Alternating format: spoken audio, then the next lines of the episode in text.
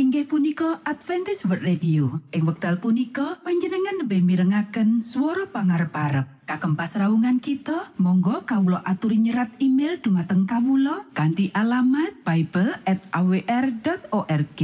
utawi panjenengan uki saged layanan kalian Kawulo lumantar WhatsApp kanti nomor plus setunggal saged layanan kalian Kawulo kalh kalh sekawan kalh kalh kalh inggih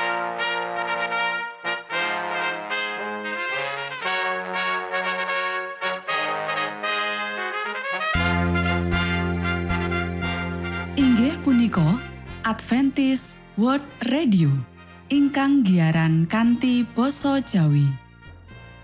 Tentrem Rahayu kula aturaken kagem para mitra kinasih ing pundi papan lan panggonan. Sugeng pepanggian malih kalian Adventist World Radio. Kanti bingahing manah Kulo badhe sesarengan kalian para mitra kinasih lumantar saperangan adicara ingkang sampun rinonci mligi kagem panjenengan sami. Mugi giaran punika saged migunani tuwin dados berkah kagem kita sedaya.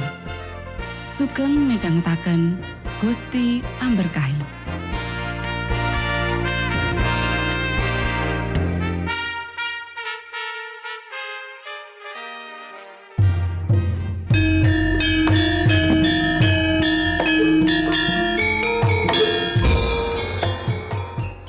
Para pamirsa kinasih ing Gusti Yesus Kristus. Ing wekdal punika kita badhe sesarengan ing adicara ruang kesehatan. Ingkang saestu migunani kagem panjenengan saha kita sami. Tips utawi pitedah ingkang dipun aturaken ing program punika tetales dawuhipun Gusti ingkang dipunnyatakaken ing kitab suci. Semanten ugi sakehing seratan ingkang dipun wangsitaken dening Gusti Allah. Nanging saderengipun, monggo kita sami midhangetaken kidung pujian.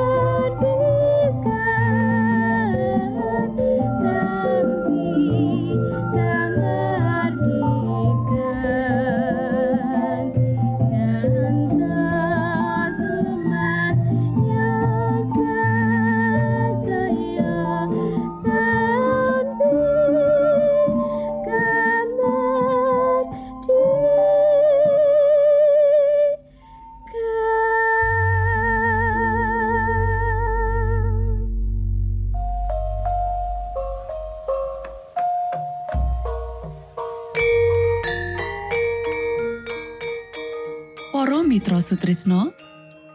Puji syukur dumateng Gusti ingkang murbeng dumati ingkang sampun kepareng paring wewenngan kagem kita. Satemah saged nglajengaken ruang kesehatan. Pirembakan kita semangke kanthi irah-irahan. Buang prasangka lan ngambakake pangaribawa.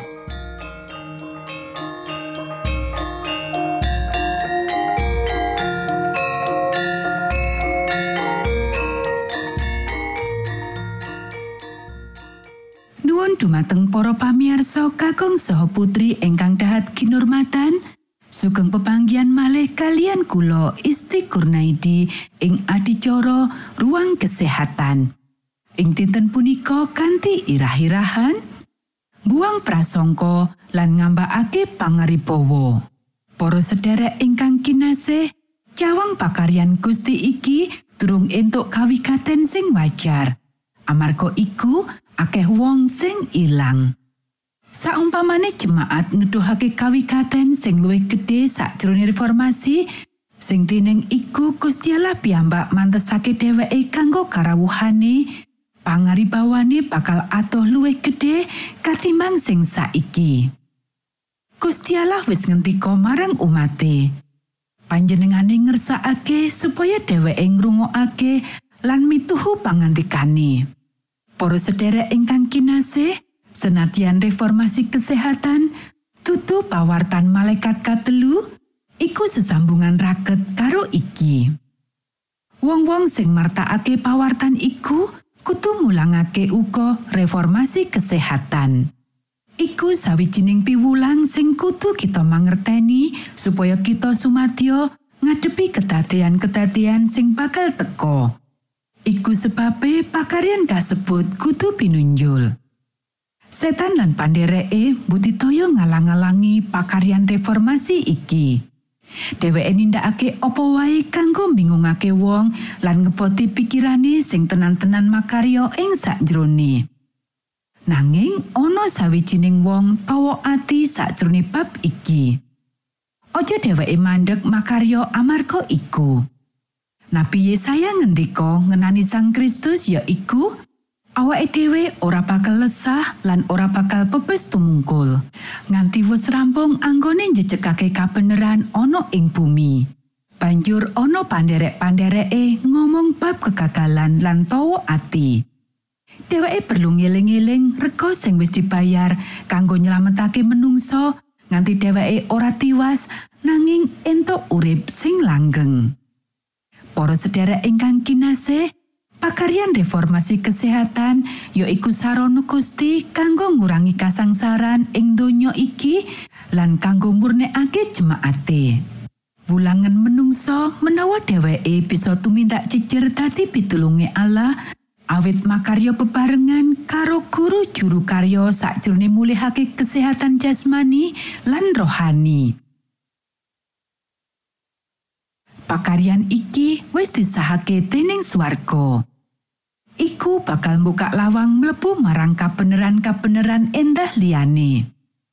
Isih ana wewengan kanggo saben wong sing gelem nindakake pakaryan iki kanthi wicaksana. Para sederek ingkang kinasih, menawa bener-bener diatur, pakaryan kesehatan yaiku mujudake sawijining baji kanggo nyikar.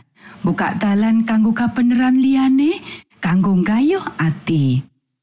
Menawa pawartan malaikat katelu ditompo sawutuhe reformasi kesehatan bakal entuk papan sakjroning komite daerah pakaryan jemaat ing omah ing meja nedha lan kabeh pasamuan. Matur nuwun Gusti amberkahi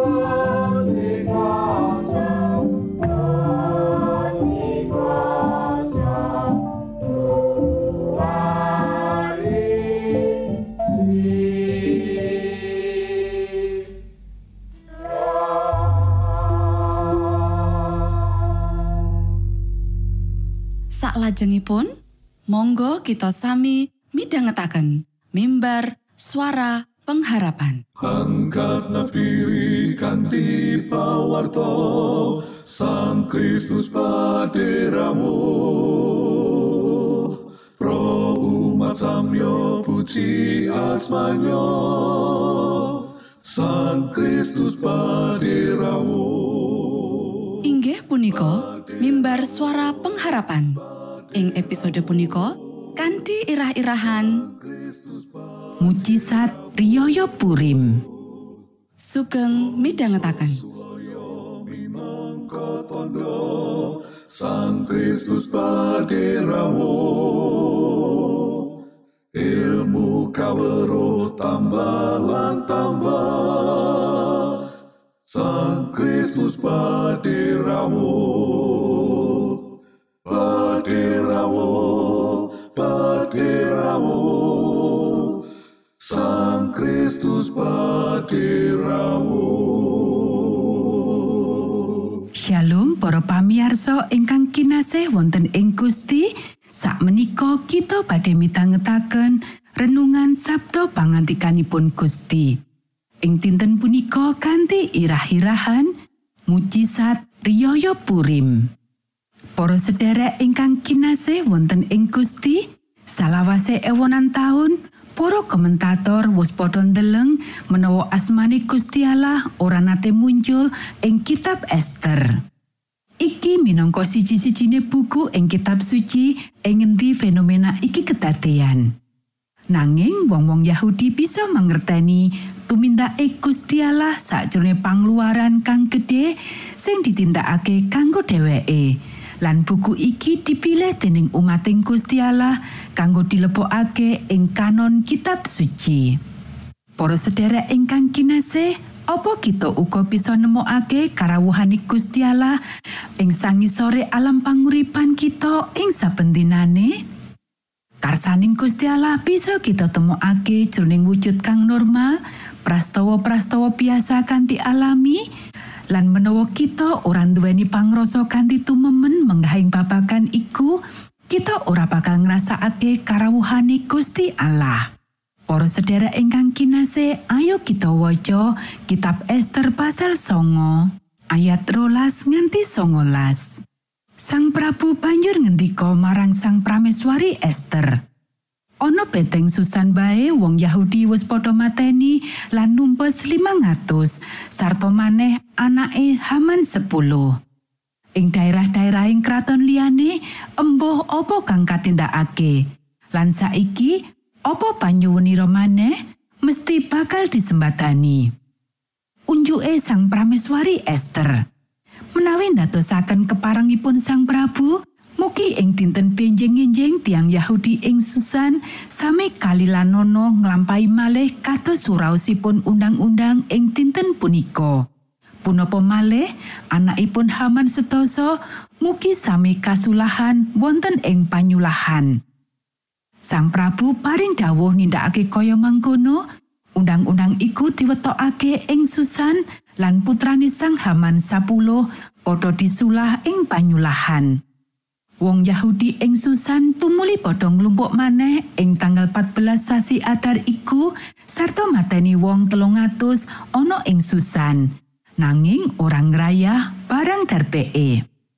Sakehe wong Yahudi liyane kang ana ing daerah wewengkone Sang Prabu iku padha nglumpuk ngreksa uripe lan padha slamet ora karidu ing musuhe.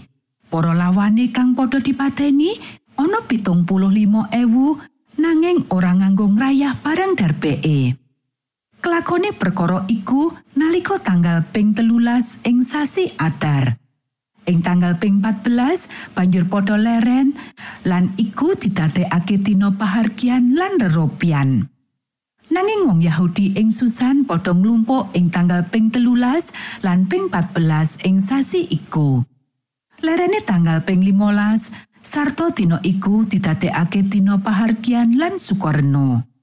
Mulane tumrap wong Yahudi ing patesan lan kang padha manggon ora nganggo paluwarti, tanggal ping 14 ing sasi Adar iku kadadekake dina pahargian lan kasenengan sarta dina sukoreno tuwin dina kirim-kiriman paweweh. Para sederek, mujizat sakjroning prastawa riyaya Purim kedadean sakjroning kahanan kang ora kaya biasane. Mujizat kuwi samar, kasamarake jroning prastawa-prastawa kang katone alami. Angger-angger kanggo numpes para wong Yahudi ora bisa gagal. Ananging sawijining angger-angger kang anyar kaserat, kang ngitini bangsa Yahudi kanggo mbela bangsane dhewe. Kita gatekake uga apa kang kedadean lan kepiye Gusti Allah sanggup makaryo lumantar prastawa iki. Para wong Persia bisa nyadari pakaryaning Gusti Allah kanggo kapentingan bangsa Yahudi lan asile apa dene panunggalane bangsa ing negara kono akeh kang padha manjing Yahudi amarga padha wedi marang wong Yahudi. Esther pasal 8 ayat pitulas. Iki minangka conto kang tapi bab kepiye anggone Gusti Allah makaryo nuntun jiwa-jiwa kang ilang marang sawijining kawro babakan panjenengani. Para pandikane wong Yahudi iki tansah ngenal marang pakaryaning Gusti Allah. Nalika wong Yahudi unggul menang sakjroning bela bangsane, wong-wong iki padha ngrayakake wektu taunan kang sinebut Riyaya Purim. Kanggo pangiling-iling kamardikane wong-wong iki. Secara tradisi tetep dirayakake kanggo saus syukur marang Gusti Allah jroning ngiling-iling pangluarane. Monggo kita sami ndedonga. Duh Rama kawula ingkang wonten ing swarga, asma patuko mugi kasucikaken. Kraton Patuko mugi rawuh. Karso Patuko mugi kalampahan wonten ing bumi kados dene wonten ing swarga. Kawula mugi kaparingan rejeki kawula sak cekapipun ing dinten punika. Soho Patuko mugi ngapunten kalepatan kawula kados dene kawula inggih ngapunteni tetiang ingkang kalepatan dateng kawula. Punapa dene kawula mugi sampun ngantos katantukaken dateng ing panggoda nanging mugi sami patuko uwalaken saking piawon. Awitene patuko ingkang kakungan kraton saha wiseso tuen kamulyan salami laminipun. Amin.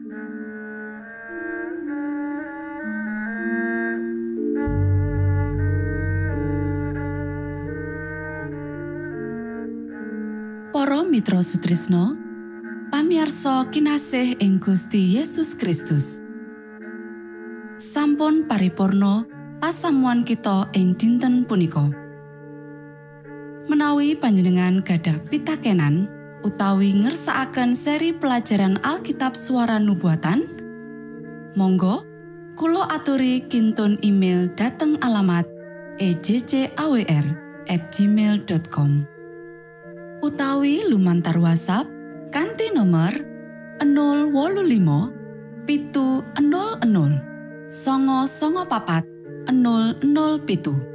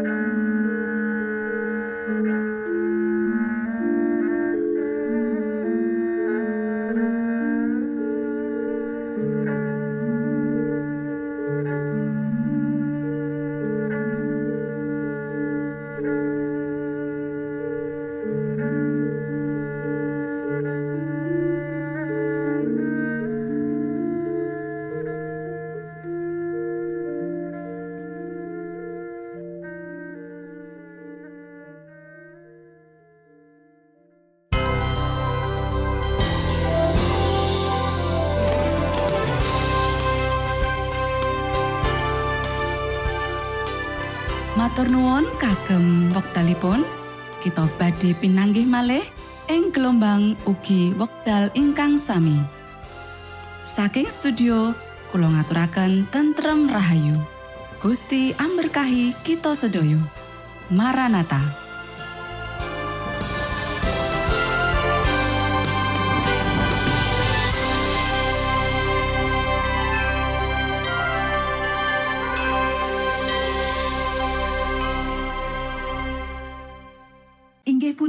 Adventist World Radio. Ing wekdal punika panjenengan lebih mirengaken suara pangarep-arep. Kagem pasraungan kita, monggo kawulo aturi nyerat email dumateng kawulo kanti alamat bible at awr.org.